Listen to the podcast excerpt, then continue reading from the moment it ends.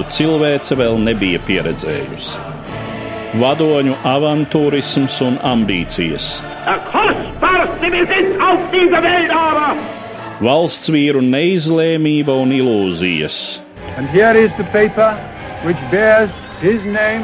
Arvien jaunas valstis ievilktas kara virpulī. United States of America was suddenly and deliberately attacked. Nežēlīgi malti cilvēku un tautu likteņi. Lai dzīvo darba tautas draugs un ģeniālais vadonis biedrs Stalins! Otrais pasaules karš sarunās ar Eduardu Liniņu raidījumu ciklā Satumsums. Labdien, cienījamie klausītāji!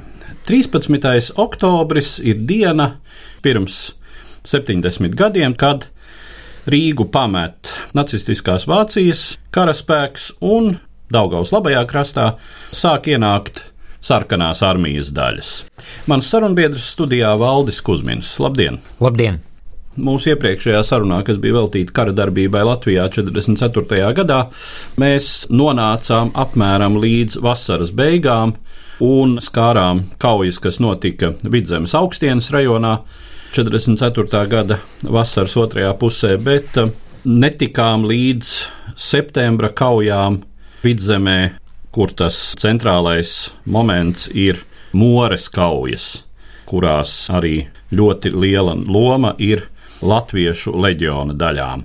Tātad par vispārējo stratēģisko situāciju vidzemē un arī dzen Igaunijas, Vācu vēl ieņemtajā daļā 1944. gada vasaras beigās, rudens sākumā un tiem notikumiem, kas tad tur risinās.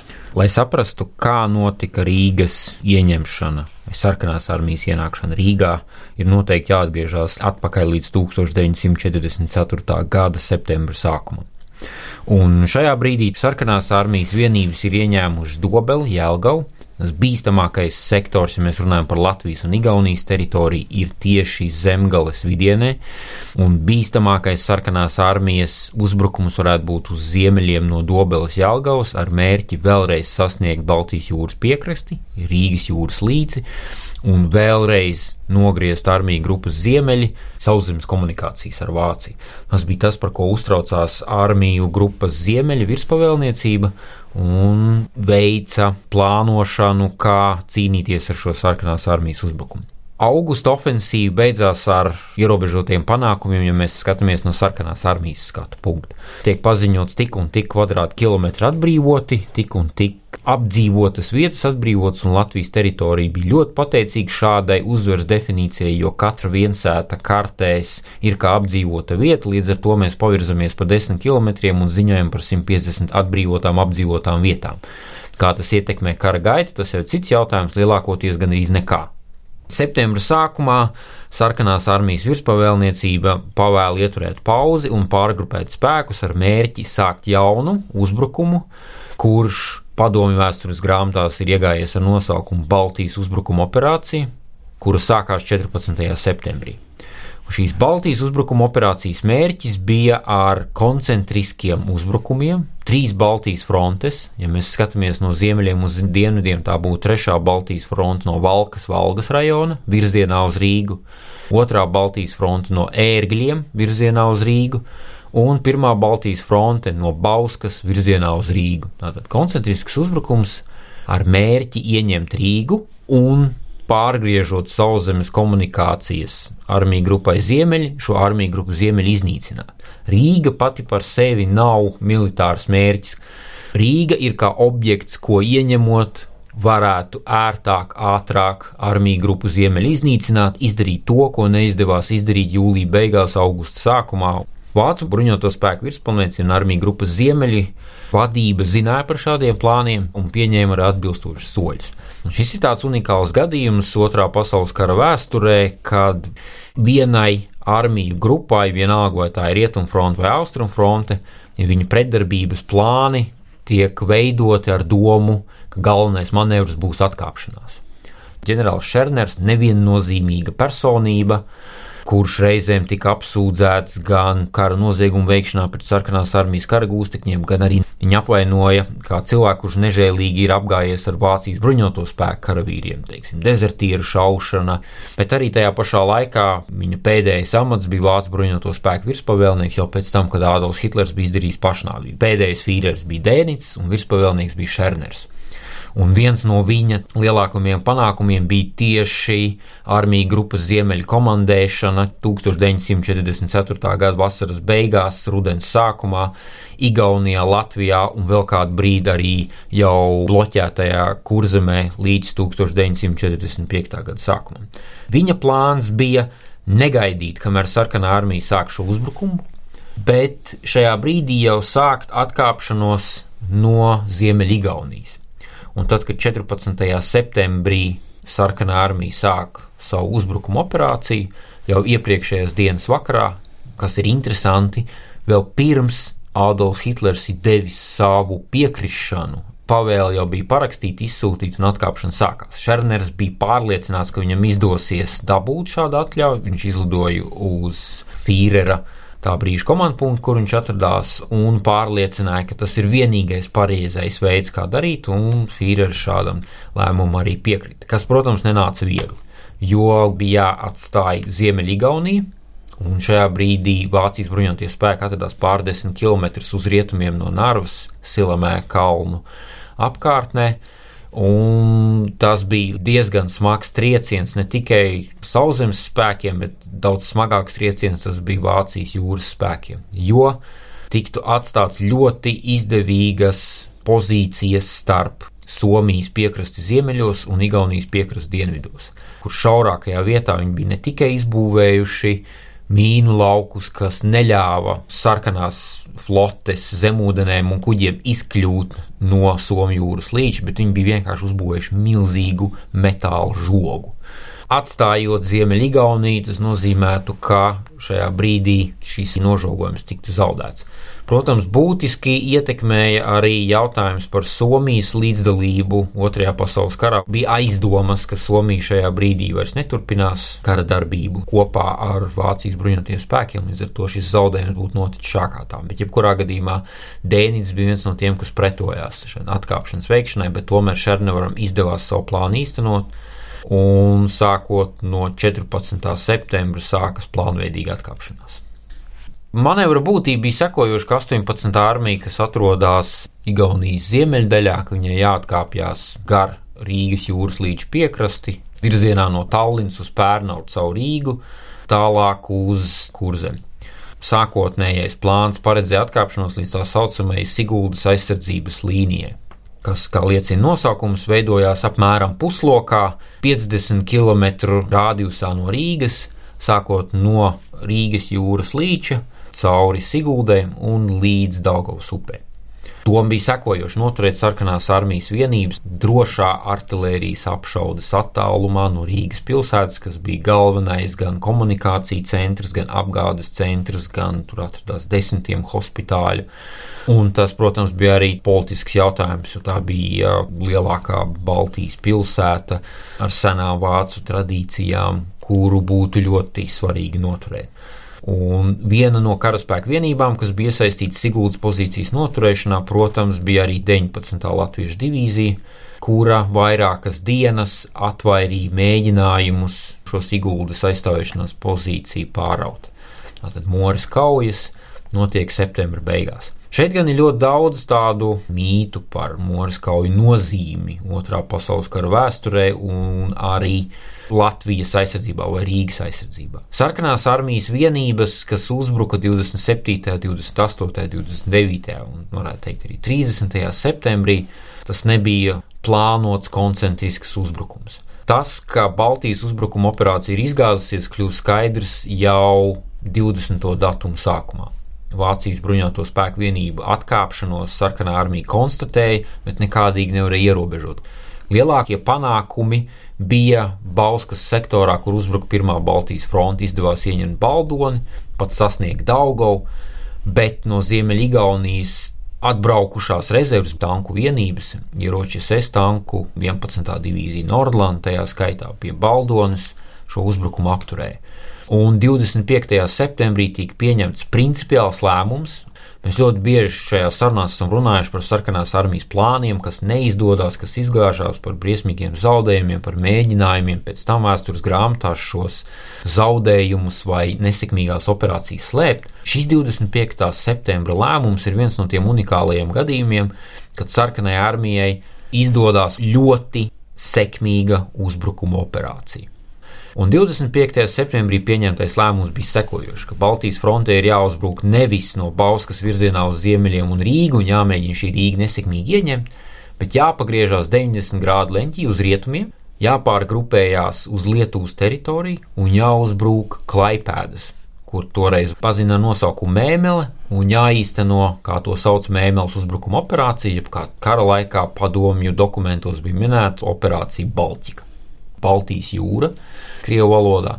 Līdz ar to lēmums, ka Rīgu mēs ātri neieņemsim, jau bija pieņemts. Un uzbrukumu, kurus veids otrā Baltijas fronte un trešā Baltijas fronte septembra beigās, arī pret Siguldas nocietinājumu līniju bija nekas vairāk kā sekošana pretiniekam, kurš atkāpjas. Un kā ir rakstīts padomju arī pēckaujas ziņojumos un tādos izvērtējumos, bija tas, ka sarkanās armijas vadība nebija ne mazākās nojausmas, kur atrodas Vācu bruņoto spēku aizsardzības līnijas un kādi ir Vācu bruņoto spēku plāni.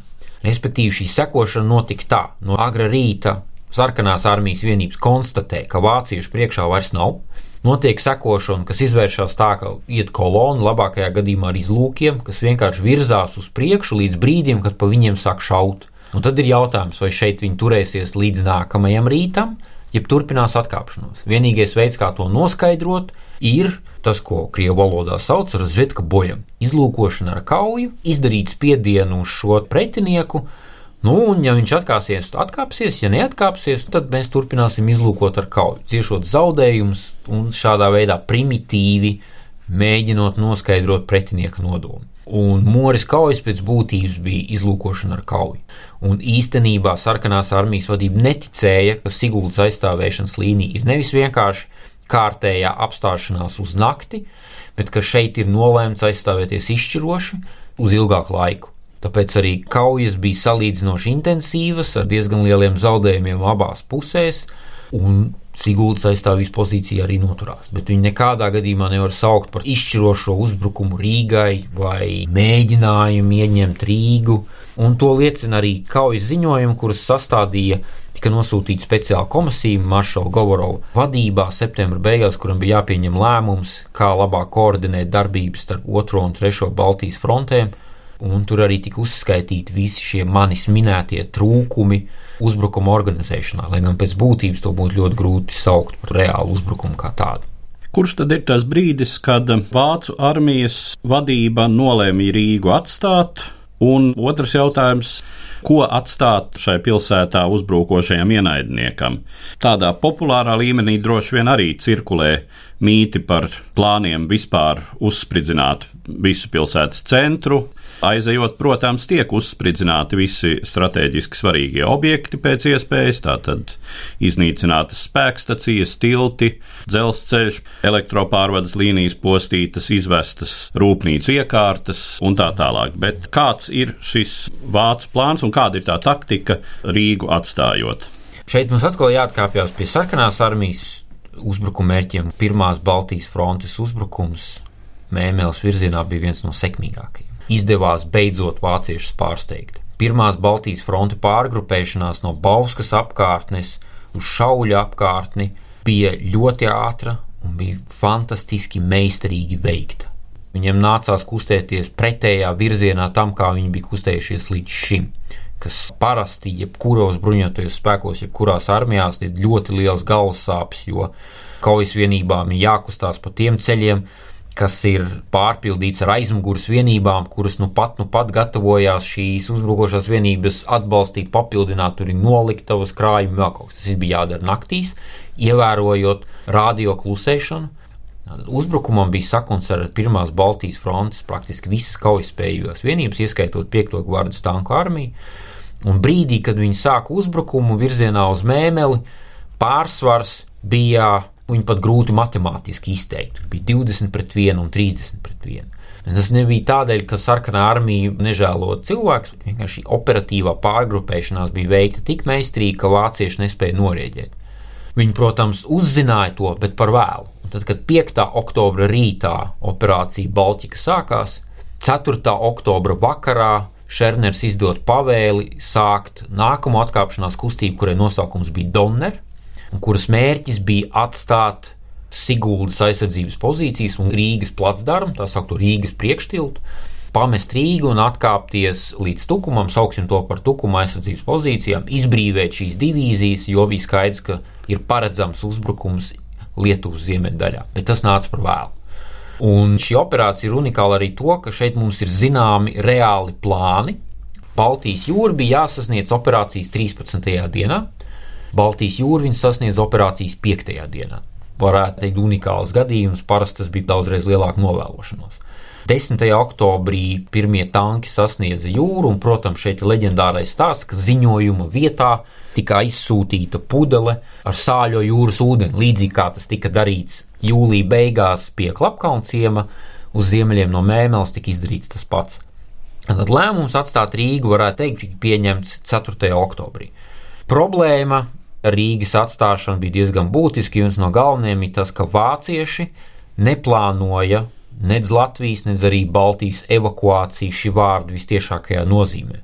Tātad nebija izstrādāti konkrēti plāni, ko mēs evakuējam, cik daudz mēs civiliedzīvotājus evakuējam, kādas iestādes mēs evakuējam.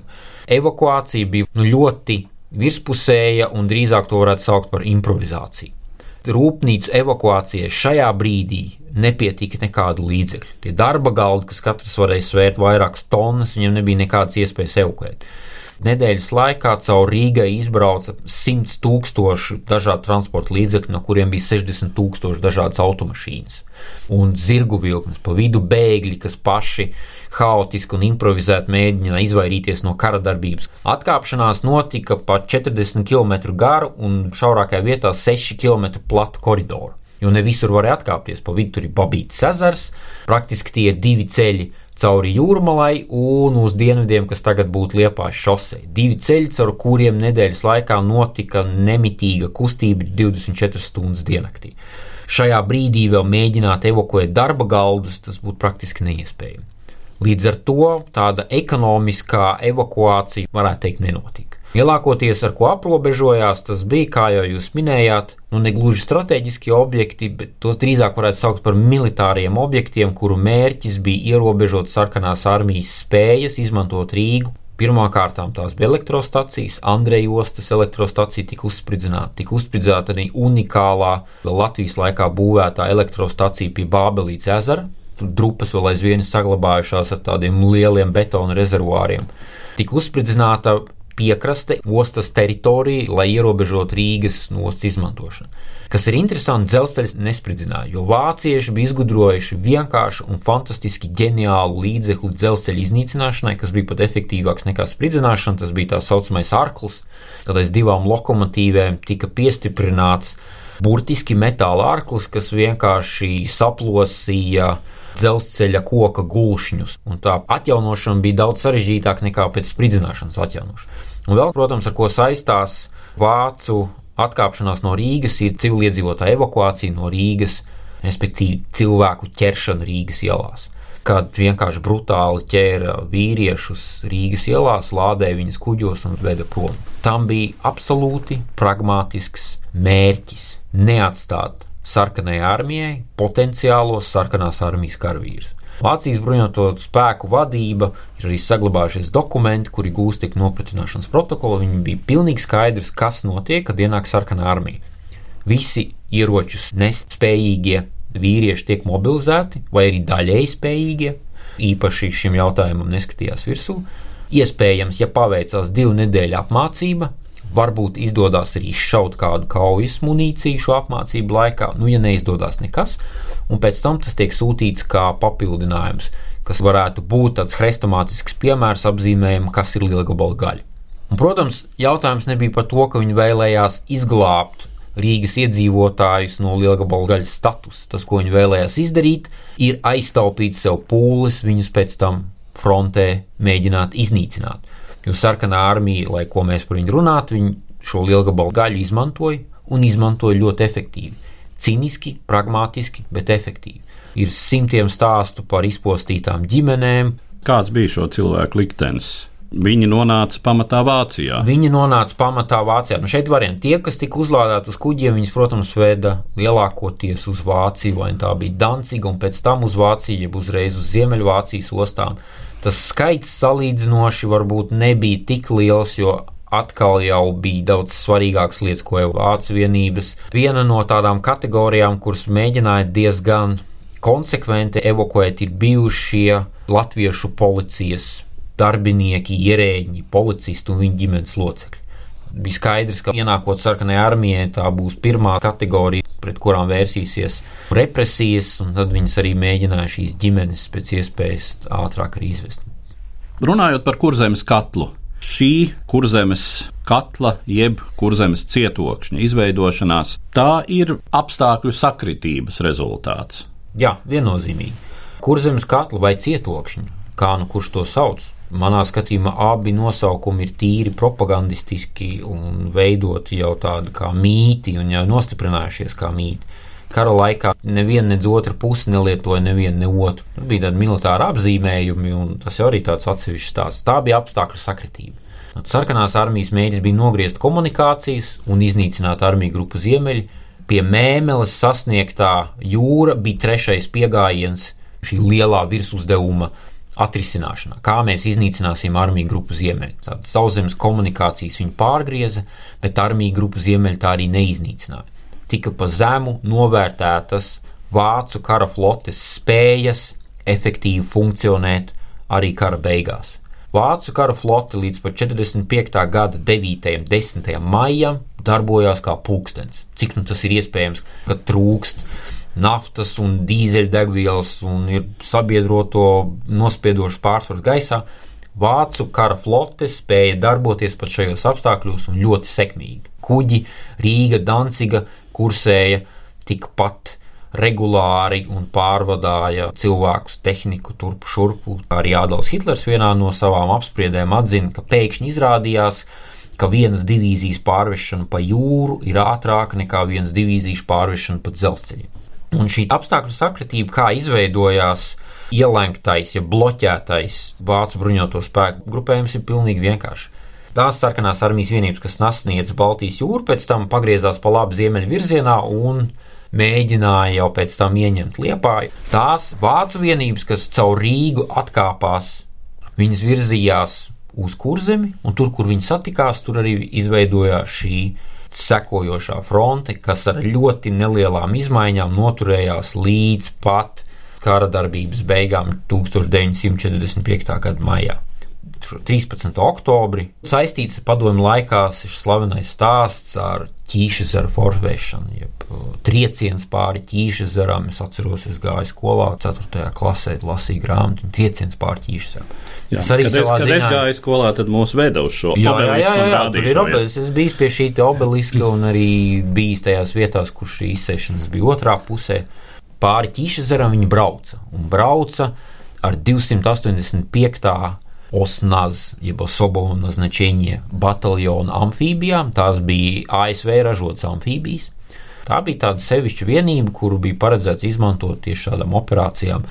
Daļu no tām izmantoja arī Igaunijas salu forsēšanas operācijās, tās pašas 44. gada beigās, un vēl nedaudz kur citur, bet tieši šoreiz ķīšesers bija kā vispiemērotākā vieta, kur viņas varētu izmantot celties pāri ķīšezeram, ieņemt meža parku, zooloģiskā dārza rajonā, mangaļa vecmilgrāvu līdz meža parkam.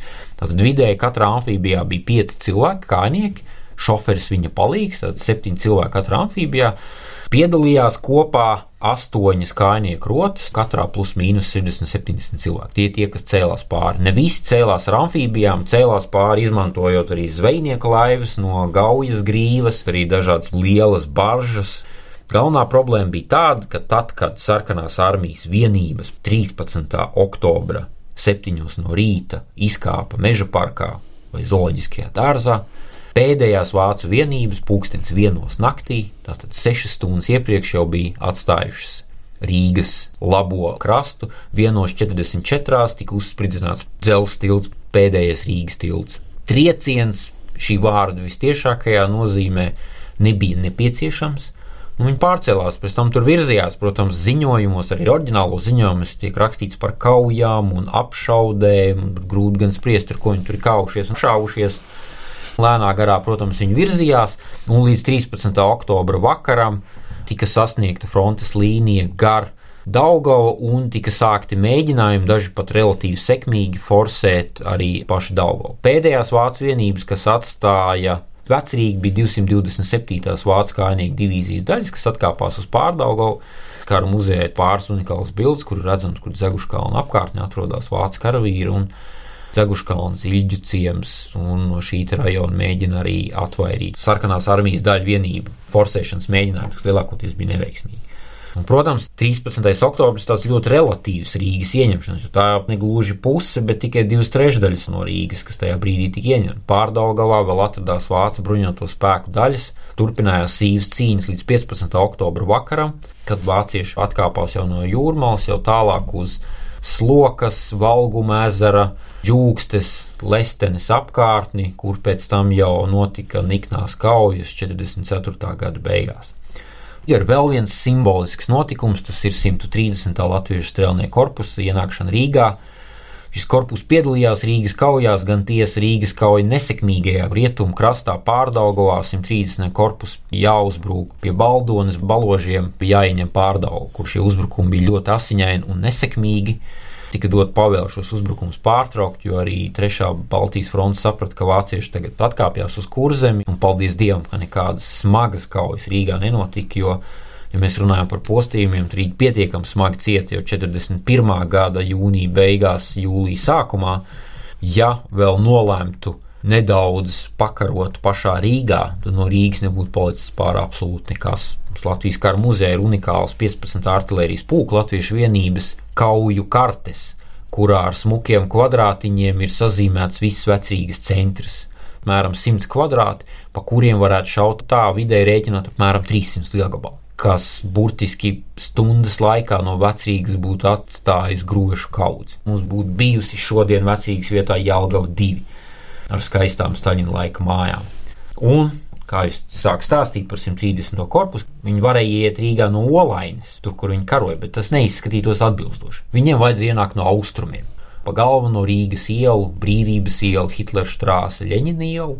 Viņi pārcēlās pie Junkraumūžas atpakaļ Daugavas austrumu krastā, kā raksta atmiņās, tika pārģērbti, nomazgājās, noskuvās, uzvilkt jaunas šineļas, jaunas formas tērpus un orķestrim skanot 16. oktobrī ienāca Rīgā un devās līdz brīvības piemineklim.